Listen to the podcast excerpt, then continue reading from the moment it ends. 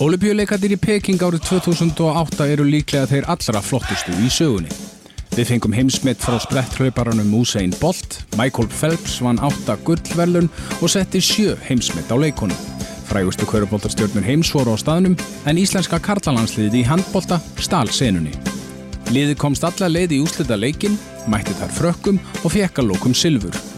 Þetta er saga íslenska landsliðsins í handbolta á olympileikonum í Peking en í þessum þáttum ræði ég við eitt landsliðsmann í einu og við förum yfir hvernig einasta leika á mótunum. Átta þættir, algjör, veisla. Ísland er ekki lítið land, það er stórasta land í heiminn. Já, góðan daginn, kæru hlustundur og verið velkomin í stórasta land í heiminum. Við erum að fara að fara yfir heldur betur aðteglisverðanleik 16. ágúst klukkan 20.45 að staðartíma í Peking árið 2008. Danmörk Ísland komið kum gegn Úlik Víbek og alltaf ofbóðslega skemmtilegt að, að horfa á leiki Dana gegn Íslandi. Og Íslendingarnir hafa verið með ágættistök á dönunum á undanförnum árum. Það var ekki alltaf þannig og við ætlum að fara í gegnum þennan leik. Og ætlum að gera það með Snorrasteini Guðjónssoni hann því miður forfallaðist hann. Við ætlum að heyra í Arnóri Atlarsinni hann er stattur í Danaveldi Já, Arnór Atlarsson blessar og sæl Blessa og sælust. Heyrðu, hérna hvernig er það, mannstu vel eftir þessum tíma 2008, það eru alveg, þú veist, rúmlega 14 ár liðin Ekki sko, auðvitað er þetta, þetta rosalega góð minning og það en einhverju svona dítilar úr leikjunum og eitthvað svona mann ég ekki mikið. Ég með til dæmis ekki mikið eftir þessum, eftir þessum danna leik nema því sem gerist í lóknin kannski. Já, einmitt, eðlilega, við komum kannski að því og eftir hvað, hann var eðlert að þú kannski að rifist upp fyrir þér hvað gerir það undir lokin þegar þú kemur heldur betur við sögu. Herðu, þið komið inn í þennan handbóltarleik svona eftir tap gegn Söður Kóru, hvernig mannstu hvernig svona hópnum leið eftir uh, fyrsta tapið á, á leikonum? Við vorum náttúrulega mjög ánægð með byrjunna. Við unnum þannig fyrstu tvoleikina og svo var þetta svona kannski nýra á jörðina í, í Suðkóruleiknum. Uh, ef ég man rétt á þetta morgunleikur hann mútið kóru, þannig að við áttum alveg tvo heila daga á að við ættum að að spila, spila dönum. Þannig að, þannig að þetta var kannski eins og segir skotið aðeins nýra jörðina og, og veitum það að það vært mjög erðið að leika allan á mútið dönum sem voru þarna nýjórnar eðurmeistar í janúar. Þannig að við sem að fara að keppa svakalega gott liða allavega. Sko, þið, þið talið margir um þess að með þessa morgunleiki, mér er ekki eh, sérstakt að vera að spila svona eldsnæmu morgunin og svo þessi danarleikur til dæmis kortir í nýju, sko, þannig að kannski ekki mikið samræmið þannig í gangi. Nei, þetta var það og ég man, ég man að hérna, við, við vorum farnir út og ég minna að kasta bolta eitthvað um morgunin bara til, a, til að vakna, sko, bara, bara fyrir utan, fyrir utan íbúðunar. Leikur var hvað, var ekki nýju á móti kóru og þá, viðstu, það varum að vakna hálf sex eða eitthvað. Já. Þannig að þetta var, var ansið sérstak. Já, en það getur ekki verið erfitt að mótivera sig aftur á móti fyrir handbóltaleg gegn dönum sem Íslendingur.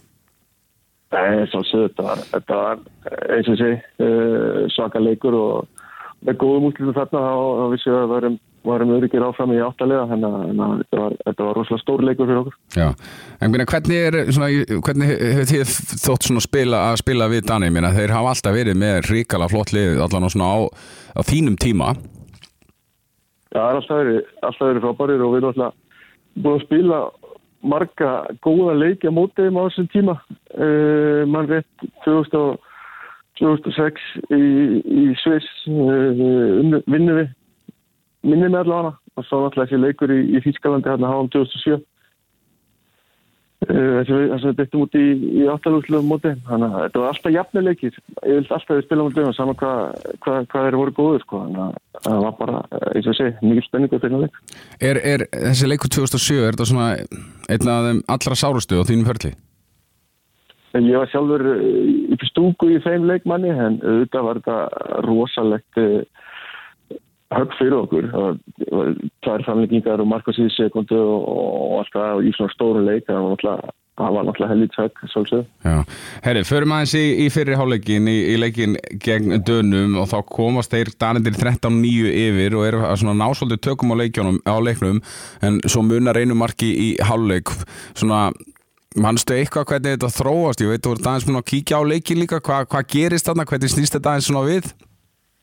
Ég, ég gætt ekkert allavega sagt á hann hóna leikin aftur, ég myndi ekkert hvernig, hvernig leikun hefði þróast eða hvað. Það var, eins og segir, við, við áttum við öruleikum varnalega, uh, fengum ekki marga bolta varða heldur, uh, við komast, já, eins og segir, fljótt yfir og, og eru hann, hvað hva segir, 13-9 og svo aftur 18-14 rétt fyrir hálfleik. Svo náðu við þarna sem betur fyrir smá áhlöpu fyrir hálfleikin, þannig að við erum bara einu marki undir í hálfleik 18-17. Uh, ég segi, við áttum, segir, þeir spilu, spilu rætt, hlupu mikið ræðlum á okkur og, og við áttum svona í smá, smá bastli, sérstaklega varnalega, en svonarlega leistu þetta fínt og, og, og eins og segi, ég held að það er líka latri fyrir okkur að ná að minga þetta í, í eitt þarna fyrir hálfleik.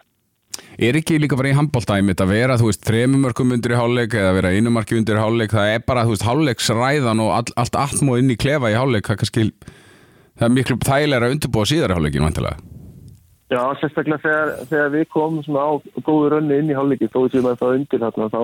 allan að mingu þetta úr 18-14 í 18-17 á, á bara nokkur myndum, ég held að það er mikilvægt fyrir. Já, heldur betur. Sko, olimpíuleikarnir í Peking ætla aðeins að brjóta þetta upp og fara aðeins yfir uh, fleiri hluti. Þeir voru náttúrulega alveg magnar. Hvernig varst þú að, að fíla þið að nútið? Þú hvað, þú er 24 ára gamall og allt besta íþróttafólk heims og ótrúlega orka þarna og, og flottustu leikar sem hafa verið haldnir sennilega. Men hvernig varst þú að fíla þið almennt bara þarna í, í Þorpunni og í Peking? Þetta var náttúrulega svaka, svaka upplifin. Margir úr hóknum hefur farið uh, á aðfinn náttúrulega þetta 2004 ég var ekki það, þetta voru mínu fyrsti leikar þetta bygging, þannig að þetta var bara rosa upplifum bara að sjá, sjá þorpið og, og verið í kringum allt þetta íþrótt og fólk kom alltaf rosa skemmtilegt sko, þannig að það er merkilegt í, þú veist, maður ma, ma, ma sá kannski pínu litlu fimmleikastelpunar hann og svo rísa stóra kúlu var bara við hliðin á sko, þannig að þetta var svona allskið og fólk hann og allir á, á, á topnum og búin að hæfa fyrir það ólupilika sem er allt sitt líf og allavega því fjögur á þannig að þetta var svona gaman bara að vera hluti að þessu og mjög stórt að upplifa. Já, hittur þú, ég meina, spjallar við einhverja stórstöðu en úti? Þessi eins og búið að koma fram, þetta komuður hérna, hérna, kvörubóllastjörnar voru, voru inn í okkur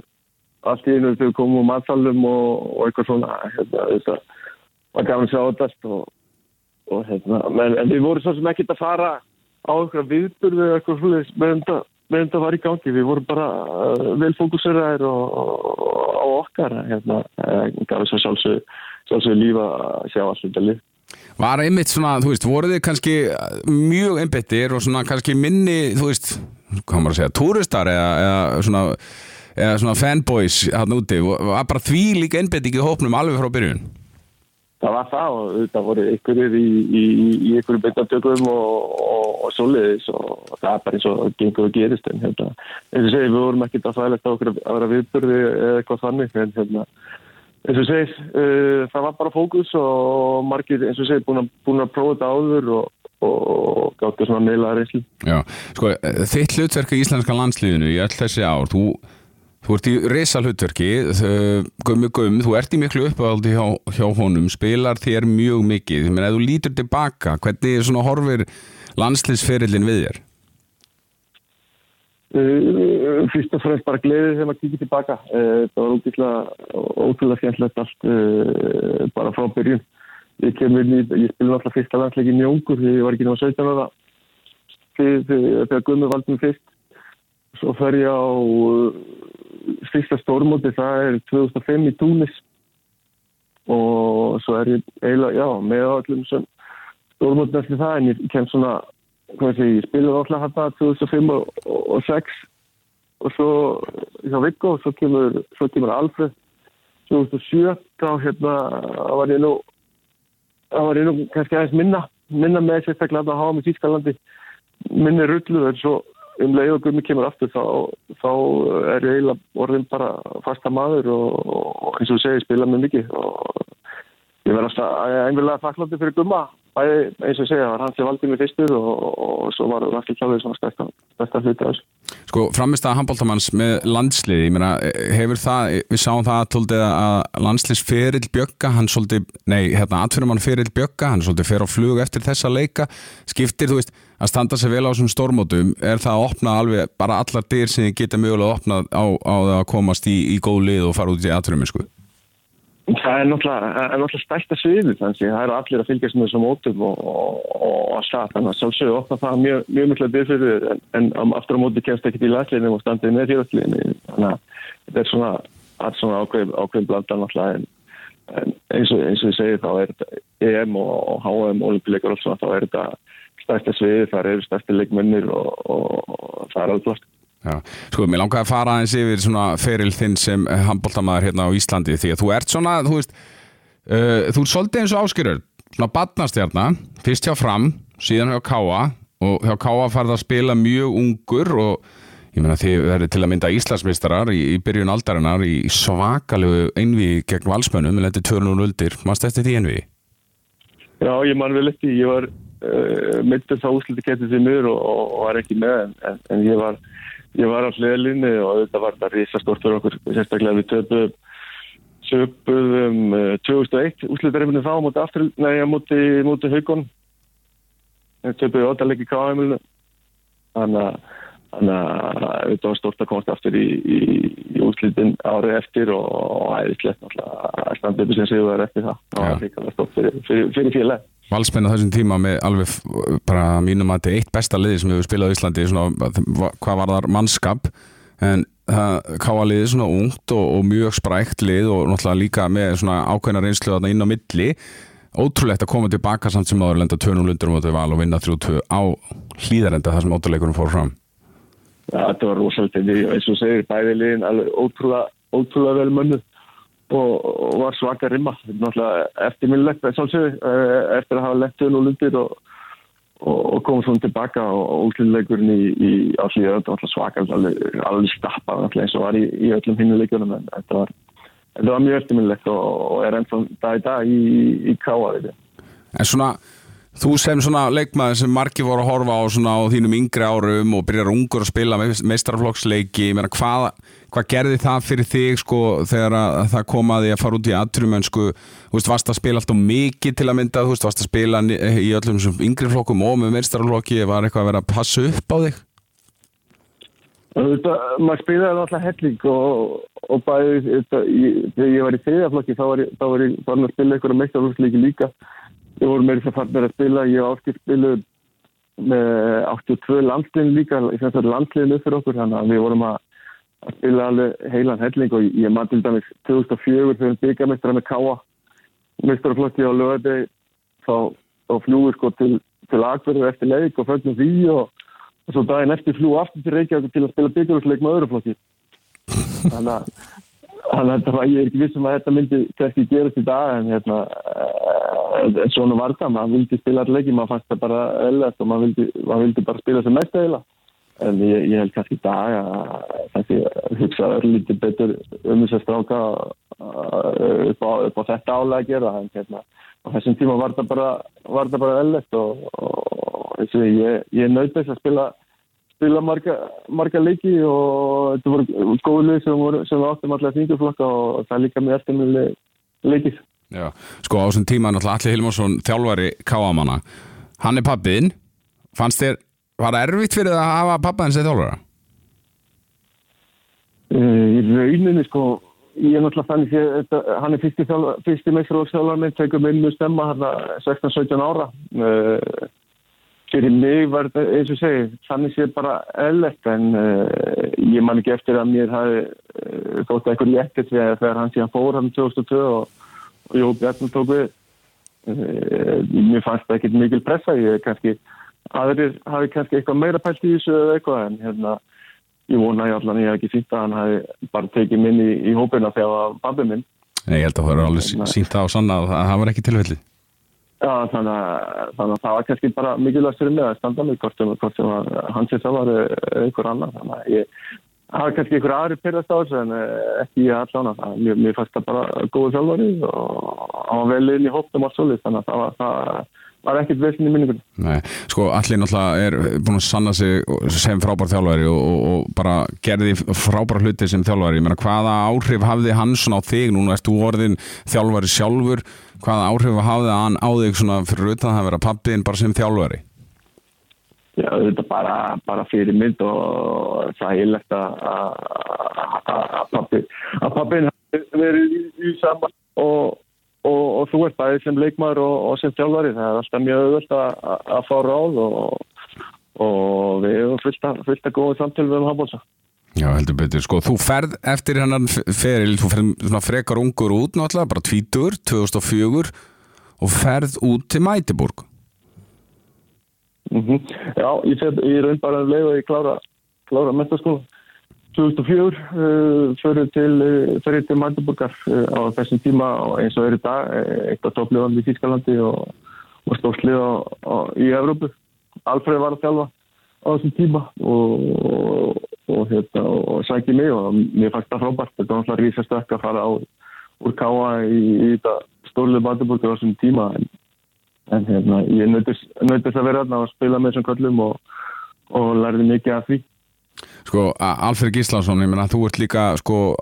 einn af tveimur leikmennir sem fa- fara þarna ungir og beint í faðminn og alla Gísla, það er Aron Pálmar sem gerir slíkt til sama, ég meina, hvernig hvernig er, ég meina, er ekki frábært að fara út til Alfred sem er náttúrulega grjótharður, sko? Og, og hérna, og það er svona minni líkur að menn fara eitthvað svona út á spórinu eða síni ekki alveg aga til að mynda þegar að þeir byrja í Alfred Gíslasinni? Jú, þetta var, þetta var frábært og, og, og, og mjög gott fyrir mig að hafa, hafa Alfred og, og eins og segir það var, þetta var svona þetta var svona framtíðar framtíðarprogram að ég ætti að, að vera aðna og komast hægt og rólega inn í þetta. En svo svo hvað sem, jólin á, á setjum tíðinbildum inn í Magdeburg þá, þá, er, er Alfred látið fara. Og, og strax, strax þá er svona framtíðar hóru mína kannski í, í, í Magdeburg orða minni uh, þó ég kannski hafa aldrei spilað meira í Magdeburg fyrir, fyrir Alfred, Alfred fó, var látið fara að það en hérna svona, þegar Alfred var látið fara þá var, þá var kannski þá var minna fyrir mig að gera það í Magdeburg allavega. En svona fyrir unga handbóltamenn sem eru að hlusta, mælur með því að þú veist að fara strax eins og þú fer til Mæteborg og Aron fer til Kíl uh, kannski, þú veist, eða fara frekar í, þú veist, GOG í Danmörku eða, eða eitthvað slíkt? Byrja þar í Danmörku Já, þetta er svo rosalega, þetta er svo rosalega erfitt að segja, þú veist, það er engin ein, ein hraðbröð að, hérna, á toppin, sko. Það, þetta er svo rosalega misjant eftir, eftir, eftir einstakleikum. Þú sér að það lukaðist ótrúlega Arni, hann, hann náttúrulega komst í, komst í gegn hann hjá Kílu, lukaðist ekki hjá mér að komast almennilega gegn hann í Magdeburg. Ef ég vilja gera þetta öðru í sig, ég, ég, ég veit það ekki, mér er þetta svar sem núna, ég er mjög ánæður hvernig, hvernig þetta hvernig þetta fór alltaf með mér. Ég, ég fór svo hérna til FCK í, í, í Danmarku 2006 eftir Magdeburga tíman og, og eftir frábæra tíma þar. Uh, hvort þetta hefur verið betra hjá mér ef ég hafa farið beint til Danmarkur ég, ég veit það ekki, það er rosalega erfitt að segja. Uh, ég er mjög ánægð með að hafa hennar tíma í, í, í Magdeburg og, og ég man ennþá mjög vel eftir þeim tíma og leið mjög vel það, þannig sé Já, ferðið mitt eins og segir til FCK árið 2006 og ert í Danmörku uh, bara í sex ár og, og tekur þátt í náttúrulega alveg svakalegu ævintýri þar sem þú spilar fyrir AG sem er náttúrulega uh, moldríkt svona risalið einhvern veginn uh, á þessum tíma hvernig var að hvernig var að taka þátt í því ævintýri? Það var náttúrulega alltaf til sérstak hvernig þetta, hvernig þetta aðgæðist. Fyrst átti ég frábært fjóður ár þetta í, í uh, FC Kuminhán uh, sem síðan sko ég heldur við erum byggamæstra annan januar 2010 og svo, svo fyrir við bara í, í jólafrí og uh, uh, frí fyrir hérna stórmá 2010 Er það það? Já, uh, Já, þetta er sko til Já, já við verðum byggamæstra þarna annan januar 2010 já, svo, svo fer maður bara heim til Íslands og fyrir undirbúið okkur fyrir, fyrir EM og þá fáum við bara fréttir um að FCK verður lagt niður. Já. Og við, og við raun við fáum ekki að vita strax hvað verður. En hérna svo kemur hlut på krafsut að að AG verður til og, og okkur sem eru með samningu FCK við, við hérna við fáum bóðum að fara áfram yfir í, í AG og á þessu tíma var þetta aldrei óljós hvernig, hvernig AG er í skipa þeir voru búin að vera þarna fyrstöld í Danmarku voru þannig sér á leiðinu upp en á þeim tíma voru ekki með neitt svona reysalið, mjög gott fyrstöldalið í Danmarku og allt það en, en það átti eftir að, eftir að semja allir þessum stjórnum þannig að þetta skref sem að tók þarna var kannski ekki alveg sjálfgjöf en auðvitað sögðu er að þetta ætti að vera reysastórt og það myndi koma fullt af stjórnum allt svoleiðis en hérna, skrefið var kannski ekkert alveg sjálfsagt að taka Mhm. á þessum tíma en, en uh, þetta var náttúrulega algjörst aðeins til náttúrulega ár. Sko, eh, var kannski bara öðvöld fyrir það að taka þetta í- þú veist, þið bara, þið leiði óbáslega vel í Danmörku og ert þar bara ennþá Já, mér leiði rosa vel í, í FCK og að, að framleika samningið þar og, og við þannig að ætlum bara að festa rætur. Og, og, og úr því var ákvörðin þannig séð á endan hjá mér auðvöld en, en mér kannski óraði ekki fyrir að, að þetta er svona stórt eins og, eins og þetta var þessi, þessi tvö ár. Förum aðeins yfir þetta svona hvaða leikmenn voru í þessu liði? Þetta var, þú veist, margir íslendingar uh, ég meina Óli Stef kemur þarna, Snorri þeir eru í þessum körubólta treyjum það sem ermalauðsum treyjum hvaða leikmenn voru að spila þarna fyrir rakið þegar þið voru allar stjórnundar sem, svona, sem, svona, sem flestar? Fyr- fyrsta ári var þetta ég og Snorri vorum með einu íslendingar þannig að fyrsta ári, svo, svo var náttúrulega Mikkel kom- komin heim líka frá Barsa uh, Kasper Vít og Steinar Erik Markmenn komu með mér líka frá, frá FCK uh, Niklas Ekberg kom hann ungur frá, frá Svíþjóð uh, sem er búin að spila núna í Kíl síðan þá uh, Boltsen uh, var þarna Lars Jörgensen var þarna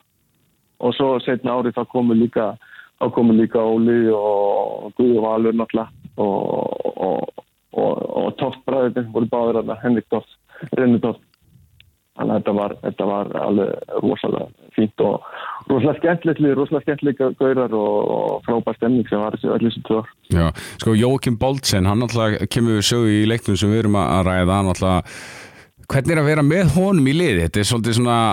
manni fannst að vera allavega mjög skrautlegu karakter, svona uh, lít, eða svona freka lágvaksinn, samanreikin en svona grótarðu dan einhvern veginn, maður horfði alltaf á hann tannig Já, þetta var, var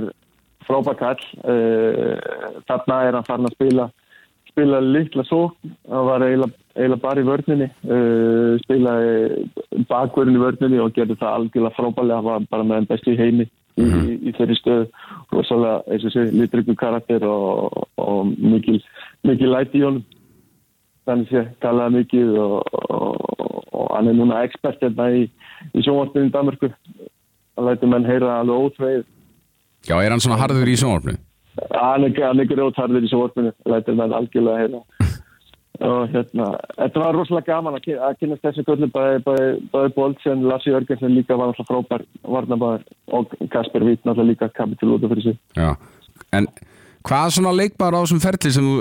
þú átt, sem andunumæður, sem nú að spanna hérna einhver 14 ár uh, hvaða leikmaður fannst þér svona hafa mest áhrif á þau, bara sem kannski handbóltamaðurinn líka kannski bara svona sem mannesku svona sem,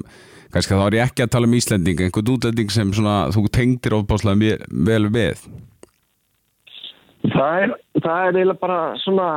svona blanda sko. Þegar maður kemur alltaf fyrst til, til Magdeburgar þá er fyrir það leikstjórnandi rúsneskur Óli Púlisjó feitur hann.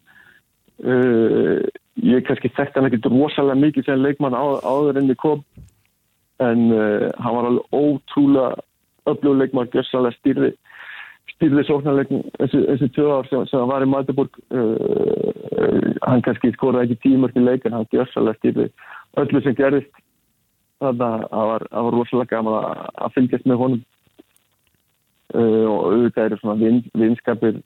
á fullta stöðum. Ég er búin að vera hægt líka að fá að spila með fullta íslendingum í, í svona klubum sem ég hef verið með. Það verið mjög gaman. Og við byrjum stöðunum sem við spilum með í, í, í Fraklandi pappa eru mjög góðu vinni líka. Alexander Lundgaard, Morten Olsen sem spilaði með þar, það voru svona skandinavar helt aldrei saman þarna í, í, í Fraklandi það er, það er svona mjög góð tengsli út um allt sem að teka með, með sér úr, úr færsli og það er mjög dýrmætt og, og mjög gaman En hvernig er svona að vera, þú veist, hvernig er líf atvinnumannsins í handbólta? Ég meina, er þetta, er þetta ekki svona drauma lífið? Þetta er, þetta er, þetta er frábært líf og, og þetta er líka harður heiminn alltaf. Þetta er, þetta er, hvað sé, þetta er, það er mikið um frí tíma en það er kannski ekki mikið um, um hérna, frásvæði þannig sé. Það er alltaf, alltaf ákveðið fyrir þú bara lifir eftir einhverju stundutöflu frá þjóðum allan, allan afhlutsring og, og, og það er ekki mikið verið að fara í einhverja spontant helgaferðir eða eitthvað svona eins og, eins og venjulegur bankastasmaður kannski gerir hérna, en mér finnst það algjör forrættildi og, og útrúlega gaman að hafa fengið upplöðu þetta. Það er mikið, mikið frítími og ég, undir, ég var nú mest, mest allan tíma sem ég var, sem ég var úti þá var ég líka í, í skóla bara svona hægt og rólega að ná mér ykkur að mentum með þessu þannig að það, það er hægt að gera ímislegt við, við þennan mikla frítíma. Heldur betur, en sko eftir tímaðin hjá AG þeir fara á, á, á kúpuna, þegar ekki? Jú, þetta var, það var eiginlega, það var, það var rosalega erfitt. Uh, aftur þarna þá var ég nýbúin að skrifa undir þryggjóra framleggingu við, við AG bara um, um vorið. Svo erum við á Olympileikunum í, í London. Við spilum aftur þarna morgunleik, klukkan nýju morgunin við, við Túnis. Það var búið að vera eitthvað svona, ég, það er, er 1. ágúst, ég, ég man alveg mjög vel eftir þessu, 1. ágúst 2012, það var búin að vera eitthvað, að koma eitthvað fréttir um að framkvæmstjórn okkar hefði hægt þarna í lók júli og, og ég og Snorri sem vorum þarna eftir ekki og svona, hm, hvað ætlaði því eitthvað að fara að gera núna eða hvað.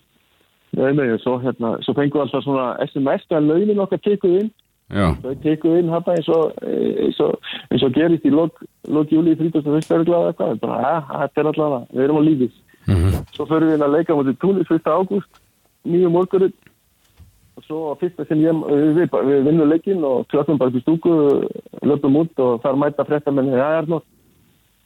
hvernig lístur á fréttinar? Ég spyrir, hvað, hvaða fréttir? Hörðu, ég fara þessum? Þá bara, það var, það var risa sjokk, við ekki það það var alveg helling sjokk og, og ég átti alveg nokkra hann erfiða daga í, í, í London með að með að meðtaka þetta, þegar segi, við varum nokkra bara að festa rættur þannig þegar aftur þetta í, í, Köpen og svo fjölskyldistæðan á þessum tíma strákur mig var að byrja skóla í Köpen hérna bara meðan ágúst og, og svo áttu við vona okkar öðru barni hérna í, í byrju september þannig að þetta var svona ansið kritisk staða akkurat þannig. og líka bara eh, mjög náttúrulega sérstakt að fá fréttinnar í, í sko viðtali eftir landsleik. Já, þetta var, þetta var, þetta var rosa erfitt og, og, og eins fyrir, fyrir konar, ég þær vel bara að horfa í Danmarku, allan kona mín að horfa í Danmarku og það kemur í einu bara svona gulur borfi á meðan leikurinn er gangi undir, undir leikið þessu, þetta er bara ekki kupin áfara á þessu, þannig að það var ansi, það var ansi erfið dagar en hérna sem fyrir ekki að, að, að fókusera um að lása leiki og á þessum leikum. Já, magnaðir leikar náttúrulega 2012 líka, ég meina, er það besta íslenska landslið sem þú hefur spilað í? allan að framistæðinni sem við, við hlýtum í hérna reilum sem vinnum bæði frakka og, og svíja og vinnum þann reil við spilum ótrúlega vel þá leika og, og, og hérna það kannski allan að getur verið að við höfum toppa akkurat þessa, þessa leika þó við höfum ekki farið eins og allt og vonustu til. Nei, eftir aðgæða við til 2012 þá ferðu til Flensburg sem er kannski ekki nánast í Danmörku þó að sé nú í, í Þískalandi og allar er, þú veist, var þetta, varstu múin ákvæða að þetta er stutt stopp því að þú ert aðnað bara í eitt ára eða varstu með hugan að því að vera bara reyna að festa þið í búndisleikunni? Ég segi þá var þetta alltaf krítið stað hjá okkur akkurat þarna og og, og strax svona eftir leikana þegar við fyrir lítið við þá það sem var í bóði fannst bara ekkert eitthvað eitthvað eitthva, eitthva frábært þannig því að í raun var ég búin að ákveða þarna að uh, búa áfram í köpur, taka eitt ár í, í Svíðsjóð og spila þar keira bara á milli út af eins og segi hvernig fjölskyld það var á, á, á þessum tíma eins og manni bara við erum að horfa, ég er að horfa að leiki í, í sjóortunni það er físka meistara meistarinn af Flensburg Kíl og, og þar slítur Petar Gjörgir í Flensburg uh, crossband og þá hugsaði hann með bara en leiða það gerist, uff, ég, ég fæ sennilega ringingu uh, í fyrramáli og, og það var bara þannig, fekk ringingu daginn eftir og, og svo aðvika þetta fljótt uh, og eins og segi, mér fannst það alltaf mjög spennandi en En eins og segi, þetta var, þetta var líka, líka erfitt. Við vorum búin að vera tvær nættir í, í, í Flensburg þegar við fórum på spítala og, og eignast okkar annar batt. Þannig að það var svona ansið kaotíst þarna. Strákurinn var búin að ná að fara eina vik í skólan. Danmarku í, í fyrsta bekk og svo, svo reyðin upp aðan. Þannig að þetta var, var ansið kaotíst og, og samt Rafael sko sem ég fekk hér til eftir Flensburg þeir voru búin að melda sig þarna strax að þeir áhuga fyrir, fyrir tímabiliða eftir og og, og með það í huga þá var eins og segið búin að ákvæða að taka þetta, taka þetta ár í, í Svíþjóð uh, en svo fannst mér Flensburg það spennandi að ákvæða að taka það. En, en það var svona fljótlega allan ég gæti ekki haldið frökkun mikið leikur. Þau voru alltaf að spyrja hvort hvernig ég ætla að fara að skrifa undir og, og svo endaði ég á, á að gera það. Já, þú, þú ferð síðan, já, einmitt til Saint Rafael í, í Fraklandi í þrjú ár og, og meina, fer, er þið all fjölskylda bara þar saman í þrjú ár í Fraklandi eða? Já, svo fyrir við svo fyrir við til Fraklands og þá í þá fyrir strákurinn í Anna Beck hann er búin að ná að fara í, í skóla í fyrir með löndum á einu og hálfu ári eða eitthvað. Þannig að það var, það var alveg smá stökk að að þánga en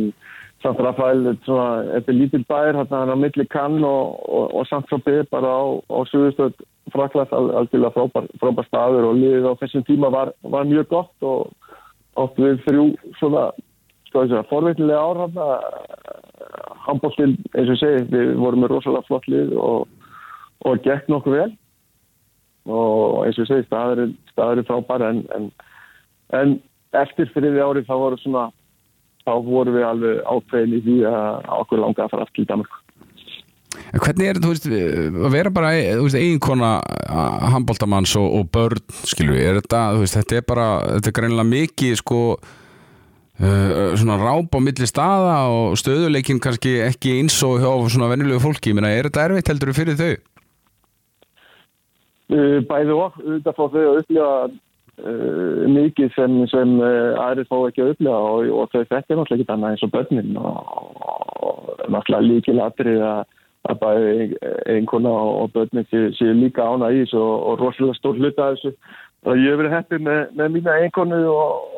og fjölskyldu þau stutt mig í gegnum saman og gera enn. En hérna eins og segi þarna eftir þessi í Fraklandi þá, þá langar okkur aftur til, til Danmarkur og, og við erum mjög fegin að hafa komast aftur til, Danmarkur þá. Þú endar þinn feril síðan hjá Álaborg og þar ertu reyndara ennþá. En ég meina hvernig var að spila þessi síðustu tvö ár sem leikmaður? Það var bara mjög gaman að komast til, til Danmarkur eins og segi. Uh, Danmarkumeistar á, á, á fyrsta tímbilu hérna. Uh, og svo og svo var annar ári erfiðara erfiðara hjá mér. Ég spilaði frekar lítið og var orðið frekar slæmur í, í skroknum og, og, og svona. Þannig að þegar tilbúið komum um að verða aðstofþjálfari lítið á, á miðju setna tímbilinu þá, þá bara tók ég því mjög fein sendi. Það mér fannst það mjög, mjög fín lausn og, og séu ekki eftir því. Það eru margir svona afreiksmenn íþróttum sem kannski skrokkurinn er ekki sérstakur eftir fyrirlinu, menn að hvern þú spilaðir í gegnum mikil meðslið með landsliðinu veit ég til dæmis að þú varst svona á stundum að pína þig, ég menna hvernig er líka á þér í dag? Hann er oft verið verri allavega þó ekki langt frá að vera frábær en hérna, eins og segi, í, í lokin sérstaklega átt í daldi miklu brasi með, með, með nýju og, og bak. Uh, það er afstofnum miklu miklu betra og, og líður betur í dag heldur en að gera allavega menn í spila. Uh, eins og segja eftir á að higgja var kannski ykkur stórmót sem ég hefði betur orðið eftir heima uh, og einbætt með að vera góður að meitla með allir en, þú myndir spyrja mig hvort hvort ég sæ eftir ykkur þá myndi ég þá myndi ég alltaf alltaf, alltaf svo því ég sé ekki eftir neinu veist, allt, allt frábæri tímar og, og mjög feina að upplifa sem ég fengi að upplifa í á sömulega alltaf stætti En svona, ef þú horfir yfir hann á feril hvar varst þú bestur? Mástu eitthvað tímabil þar sem þú varst bara besti handbóltamæðurinn á þessum 14 árum? Ég held að það hef verið á Kaupmannhafnar árunum. Uh, mér leiði vel það bæði EFCK og, og, og AG. Uh, svo allavega þegar ég hugsaði tilbaka þá, þá var það svona það, það sem mér fannst skemmtilegast að spila og, og áttum okkar bestu tíma þannig séu utan allar líka. Já, en... AG tími var alltaf algjörst aðeins og líka, líka forutnindi að fengi spila með allir Íslandíkur Íslandíkur þar og eins og segi, ég, ég myndi segja bara þessi sex ár sem var í Kaupanett bæði FCK og, og AG en, en svona þjálfari sem þú varst með hvaða svona þjálfari fannst þér svona að hafa mestu áhrif á þig sem handbóltamann og kannski núna náttúrulega ertu líka eins og áður kom fram þjálfari sjálfur. Hvaða svona þjálfari mótaði þið mest svona á tínum ferli? Ég veit alltaf alltaf uh, kunna að meta Gumma Gumma alveg ótrúlega vel. Eins og segja hann gaf mig fyrst tækifæri á að spila landsleik og svo, og svo var það með okkur ennum tíma sem okkur gekk hvað best. Þannig að þetta er hann ofalega Uh, Magnús Andersson sem er með fjögur ári í FCK og, og svo eitt ári í AG uh, var líka algjörlega frábær þjálfari fannst mér, ótrúlega góðu kall og miklu samband með en þá í dag. Þannig að ég myndi kannski nefna þess að tvo. Svo auðvitað, eins og ég er búin að vera mjög heppin ég er búin að vera með Alfred líka. Uh, allir til landslýstjálfara Viggo og Geri Sveins Harald, ég maður tekur ímyndlega frá, frá þessum öllum. Vranjes í, í Tískalandi í Flensborg líka. Þannig að það eru rosalega margir þjálfar sem ég, sem ég finnst ég að hafa verið heppin að hafa verið með. Já. og eins og segja við eftir nefna eitthvað þá myndi nefna Gumma og, og Magnús Sko það er eitt þjálfari sem ég langaði að spyrja út í því ég er nú, hann hefur þjálfað mig líka og það er Jóhannes Bjarnason fyrir norðan. Og hann er náttúrulega magnaði maður, búin að framlega ekkert eðlilega marg, marga frábæra handbóltamenn í gegnum tíðina bara frá því árið 92 eða eitthvað sko. Ha, meina, svona, það sem Jói Bjarnar gerði fyrir K.A. á sín tíma það, það er ekkert margir sem kannski átt að sjá því. Nei, Jón Betta var algjörlega og er algjörlega frábær, frábær kall og, og frábær þjálfari og í, þessari yngri flokka þjálfari var tíma að sé nokkuð betri en, en hann hafði sínt það í gegnum allan tíma í K.A. og það geta eflust allir allir tala, tala vel um hann hann var líka kennari minn í, í, í, í brekkurskóla á sín tíma þannig að hún að sjálfsögur líka mjög mikið að taka og, og var aðeins í tíma hann var svona kall sem, eh, sem var hann heimtaði að menn varu alveg alveg getnir og allt svo leið sem var ótrúlega léttur sjálfur og, og, og mikil sögukall, alltaf góða sögur í kringu Jóa og alltaf gaman líka að að taka þátt í meistarflokksgikinu hans þannig að hann segði að káða 2003 og, og svo fjögur og, mjög eftirminnilegt þegar verðum byggamestara þarna 2004 fyrir hann þannig að ég veit að það var mjög, mjög stort fyrir hann og, mjög eftirminnilegu titill Er það ekki leikur sem þú ert alveg gessanlega frábær í? Jú, ég, á mjög, mjög góða leik þar sko, sko, að fylgta mörgum. Og eins og segi það er líka eftirminnilegt eins og sá hann að svo flugu norður fögnum því og, fórum í sjálfa minni mig og, og fögnum og, og svo var byggar úrsleikum og öðru flott í daginn eftir. Þannig að þetta var eftirminnileg helgi. Áttu þér svona einhvern eftirminnilegasta handbóltaleik svona með félagsliði sem þú spilaðir? Uh, það kom alveg margir sko. Uh, náttúrulega það var rosa stort fyrir okkur þegar við fórum í Final Four með, með, með AG uh, svo spilum við þess að við tvo leiki á parken uh, náttúrulega með ólík getum að hugsa út í það að við spilum úsleiki í, í dönsku deildinni og fullum parken það voru 36.000 manns. Það var heimsmynd á, á, á, þeim tíma. Það var ótrúlegt á fyrsta ári okkar og svo árið eftir spilum við í áttalúslutum á móti Barsa líka í parken í svona aðeins minni útgáfu. Uh, það var ótrúlega eftirmilend uh, sólsög Já. og svo er svona sýttur doldi í mér við tvísvært, aldrei náður Európmestari með félagslið, töpum tvísvært úsleiknum í, í Európkjörnum félagsliða uh, eins og FCK á móti Nortorn og eins og Magdeburg á móti, móti Essen og sérstaklega þessi úsluleikur á móti Essen þar sem við unnum fyrirleikin með 8 en töpum svo síðan sekundni í Essen með, með, með nýju það sýttur doldi í mér Já.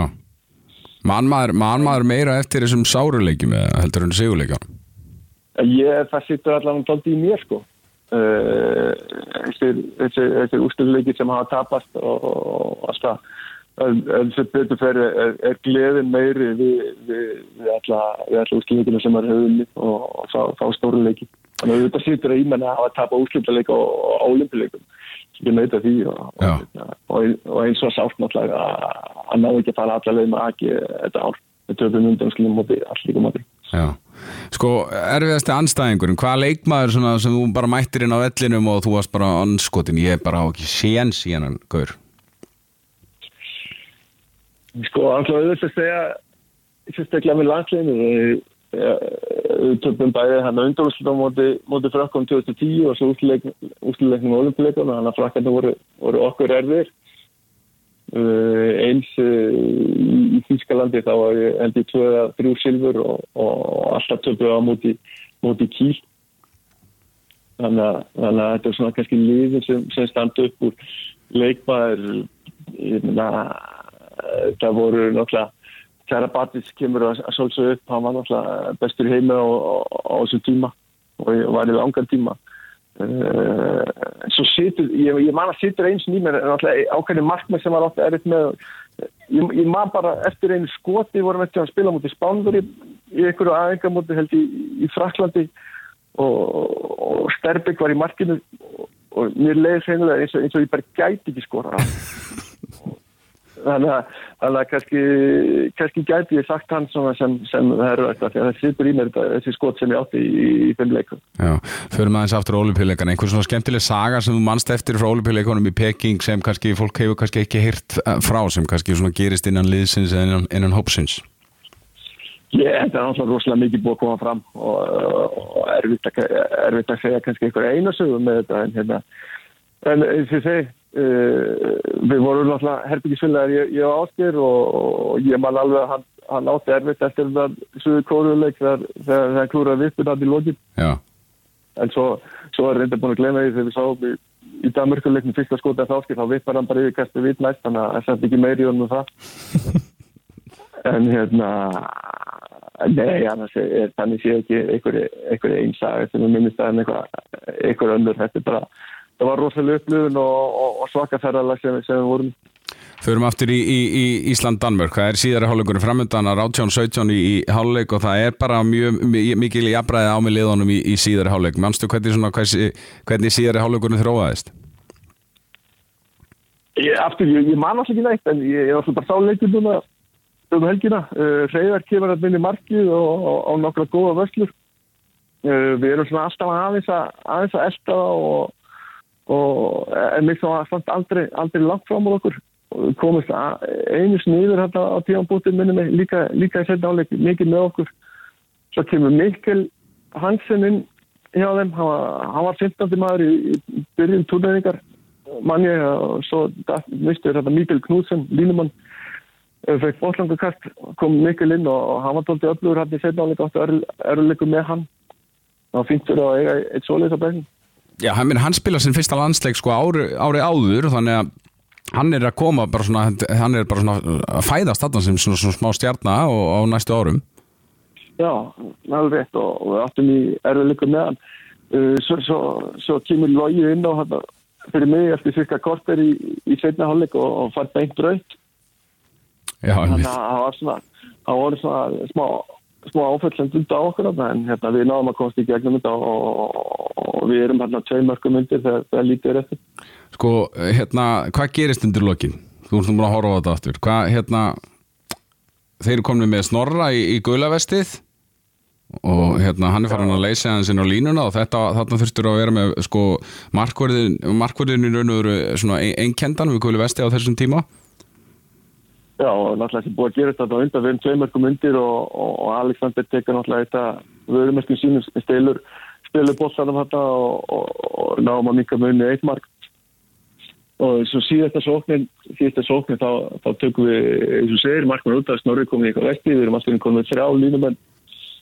inn á og, fyrst, fyrst fá þeir tveggja minna brotti sem þannig við spilum við raun 7 og 5 í, í, í síðast sóknin Já,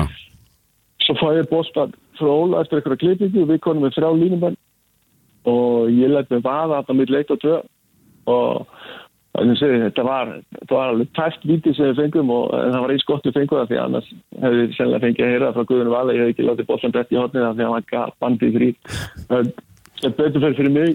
og okkur þá, þá fengum við vítið og, og, og, það var það sem ég mann úr þessu leik ég mann að snorra það skoða á vítinu og svo að hljópa hann upp í stúkuna að fagna já, ég sko var að horfa á þetta um helgina og ef þetta hefði verið öfugt segjum að Mikkel Hansen hefði kert svona inn í vördina ég hefði verið brjálagur því að þetta er, er, það er mjög mikil rauðningslykt af þessu Já, ekki segja það að við hefum verið vel hefnir. Já, Svo, svo myndi ég lenda líka eftir hvað, hvað Vilbek var al- algjörlega brjálar eftir leikinu. Það var, það var líka gaman að- reyða það. já Snorri var alltaf tilbúin að- skora og taka skotin undir lokin menn hann gerir það líka á móti Egeftum þar sem hann jafnar metin í, í næsta leik undir lokin gerir það þarna og ég menna treysti, treysti þið alltaf bara Snorra til að taka þessi skot Það sjálfsögst Norðin var mjög, mjög örgu vítaskipt á þessu tíma og hérna,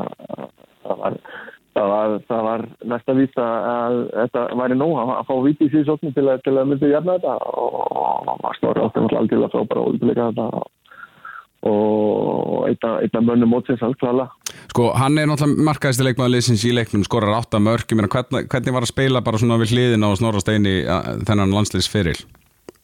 æðislegt og, og, maður fór nú bara slæja nokkur sinnum eh, þessar, þessar línusendingar sem hann gripur þarna sérstaklega í setnáleik ég held að hann hafi skorað tvö,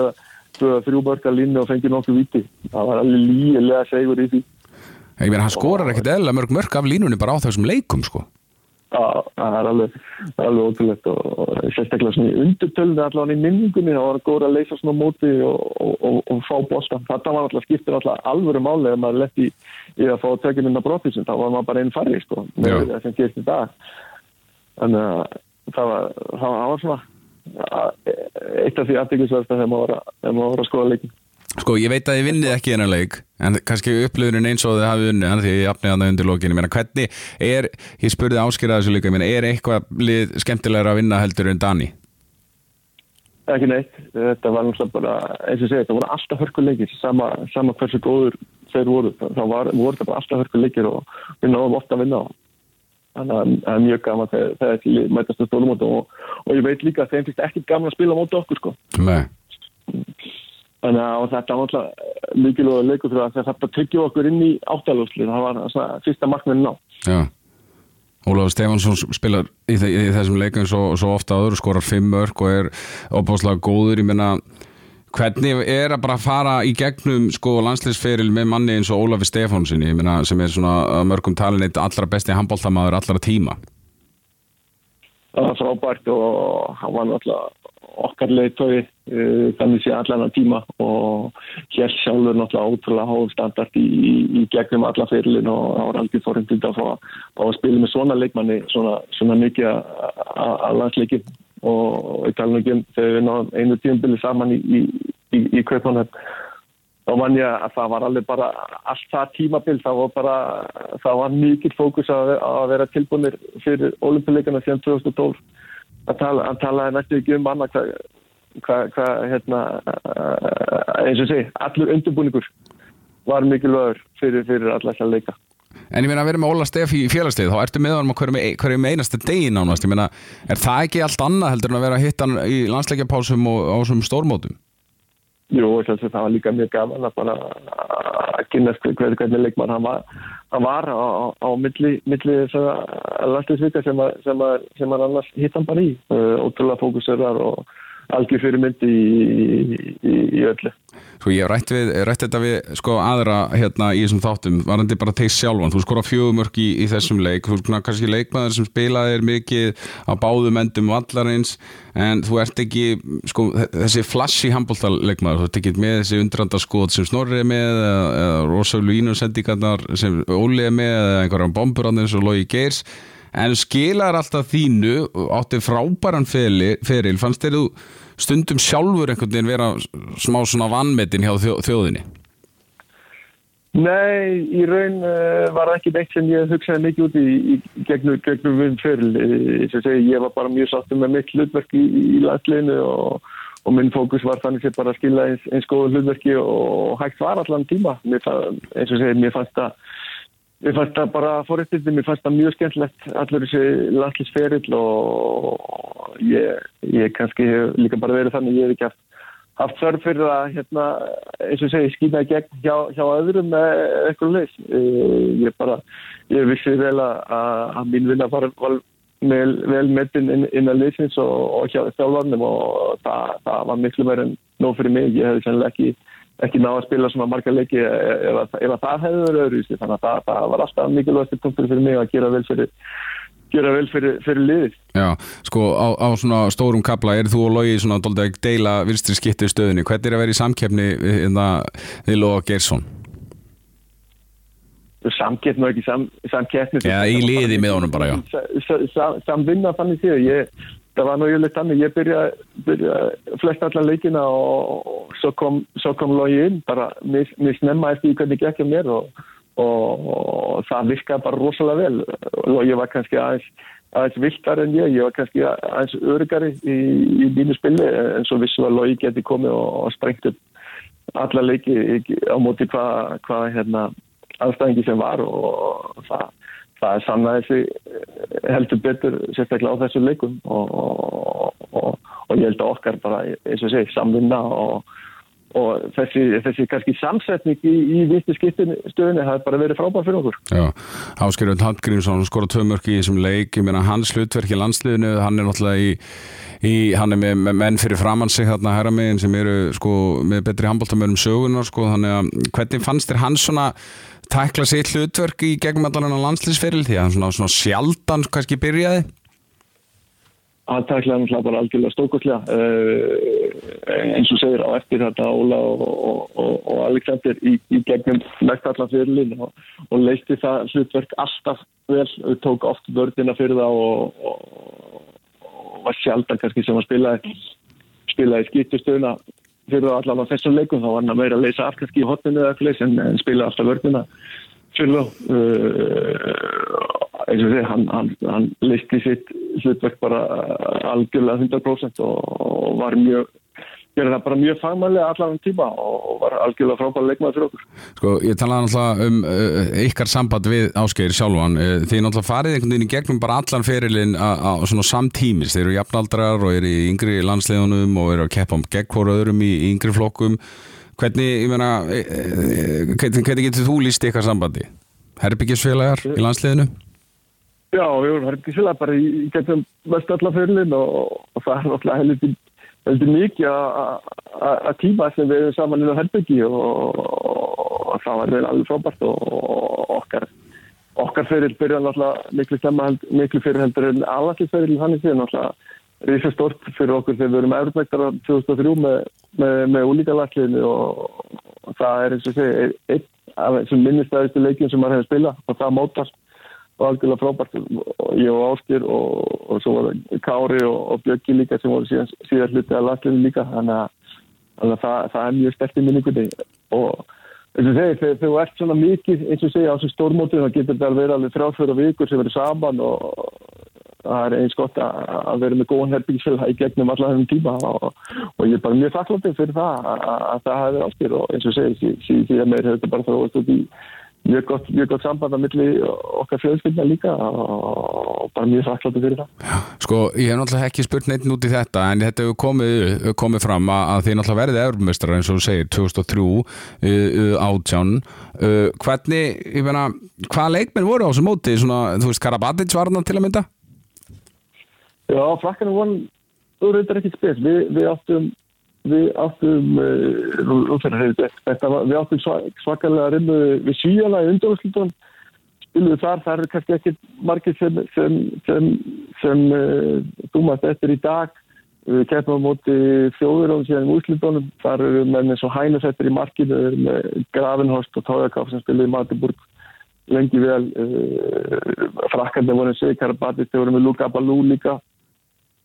þar uh, danska liði sem var svona kannski það besta liði þeir komist, þeir eru síðan heimsmyndstarið í þessum árgangi, þar eru Morten Olsen þar eru Mölgård, þar er Renni Toft líka, þannig að þetta eru svona þeir sem við vorum hvað mest að berjast við á þessum tíma En, en, en í, að þessum danarleika aftur að vinna, að gera jafntefni við Danina í þessu tilhjóðu en til unniða sinni setna meir, að vinna Úlur í Kvíbekk, hvernig tilfinningu það? Já, ég veit ekki um neina, ég veit allavega um betri tilfinningu fyrir mig bara sem áhóranda sko. Nei og það hefur kannski, ég veit ekki, minningunni gerðist kannski bara mest í þessu leika því að hann var algjörlega spörlar að verði leikin. Uh, þarna voru þannig náttúrulega á, þannig sé að komast á, á sinn, uh, að byrja sína vegferð í að vera besta handbólsvæðu í, í heimi og auðvitað uh, örmestið átum 2008 og voru náttúrulega svagarnslið og það gerði þetta, þetta stíð náttúrulega bara merkilegra og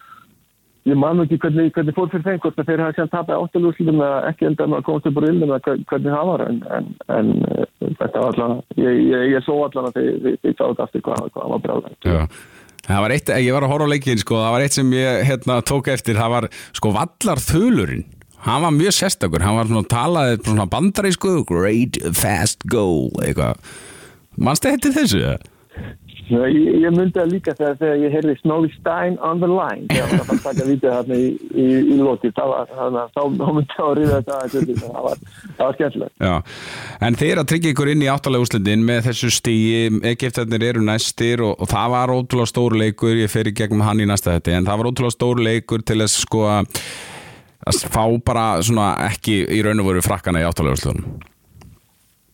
Já, e- eins og því, ég get ekki fyrir mitt litla líf sagt hvernig, hvernig það var þarna á hvort við höfum verið byrjar að hugsa út í það en vantarlega hefur, hefur fókusin farið á það þegar við, eins og sé, tryggjum okkur inn í áttalvöldin með, með þessu stíja móti dununum og, og þá hefur við vantarlega getað stöðuna hvernig var, hvað, við þurfum að gera til að, til að fá sem bestan aðstæðing í áttalvöldin. En ég meina hugsiði hérna á öllum þessum stórmótum bara, heyrðu, við verðum að sleppa við frakkana, við erum eiginlega að reyna að gera allt til þess að komast hjá því að mæta frökkunum á svona, þú veist, framarlega allan í mótunu. Við getum kannski tekið þau úrslitaleiknum en, en við erum, þú veist, áttalega úrslitin frakkandir, við erum að sleppa við þá. Já, í rauninni og ef, að stafa var þannig fyrir, fyrir þeim að að getum sloppið við að lendi í þessu fjórvæðsætti vantarlega sem hefur þýtt að við hefum mætt frökkum. Þá hefur það vantarlega verið ykkur, ykkur fókus en ég bara maður, ekki sennilega maður ekki núna. Það hefur vantarlega bara verið fókus að fá sigur til eins og segi til að koma sem hægt í þessum rilli og ég, ég man ekki til hvað sæti við lendi sem í rilli Já, þið lendi í sko þriðasetti, ef þið ekki náðu stíðinu móti Egyptin þá hefðu lendi í fjólaðsettinu og mætt frökkunum. ok, þetta, þetta fólast á, á bestalega Já, hugsar oft um ólupileikana í, í Peking svona uh, bara þegar þú ert bara hérna að skokka eða eitthvað, meina, er þetta hlýjar minningar sem uh, þetta skilur eftir sig? auðvitað er þetta rosa skemmtilega minninga bæði, bæði leikarnir í Peking og, og, og leikarnir í, í, í London. Og þetta hugsa maður sjálfsög til þess að við höfum verið einu sigri frá Olimpíu gulli. Það er náttúrulega annar anna væri líi ef, ma- ef maður myndi ekki hugsa út í það en, en, en, en stolti samt að ná, ná, medalji á Olimpíuleikum yfir vinnu það, það er svo sem mjög, mjög, mjög fljótlega og, og, og svo er náttúrulega sjálfsögur líka sálgræðilegt hvernig, hvernig, hvernig fór í London. Þannig að, þannig að man, man líka eftir þessum tapleikum frá þessum, frá þessum leikum. Ég er, ég er ekkert að pæla reyndar í ólupileikunum í London núna, en ég er svona langað að spyrja þig sko, tapið á mútu ungurjum varstu með lengi að, að jafna þig eftir það? Já, ég held að allir við sem, sem, sem vorum aðna höfum verið svolítið lengi að jafna okkur eftir að eins og segi uh, bara öll leiðin fram á þessum olimpíuleikum það það var svo mikil fókus á, á að standa á þessum leikum og, eins og við, vorum í, í, á frábæru róli og, og allt það en hérna við fórum sem fór og, og allt það en eins og segi bara stoltið að hafa verið með í þessu og, og, og verið með í þessu, í, í þessu liði sem, sem fór allar til leið var bara frábært. Já, það er náttúrulega svona, ég að fá að þakka þér kærlega fyrir að, nota frídæðin í það hérna úti í, í Danmörku að, að ræða við mig og, og hérna fara yfir ferilinn og olimpíuleikana í Peking og hann að leikja dönum. Takk kærlega fyrir að gefa þið tíma Arnór og gangi er hrikalega vel úti í, í þjálfara gigunni og, og svo ertu náttúrulega að fara að taka við sem aðalþjálfari nátt tíðanbili. Þakka að kella þetta, það var bara gaman. Eða ekki? Mjög. Herðu, njóttuðin í, í Danmörku, jólinu eru náttúrulega frábær þar og, og falleg.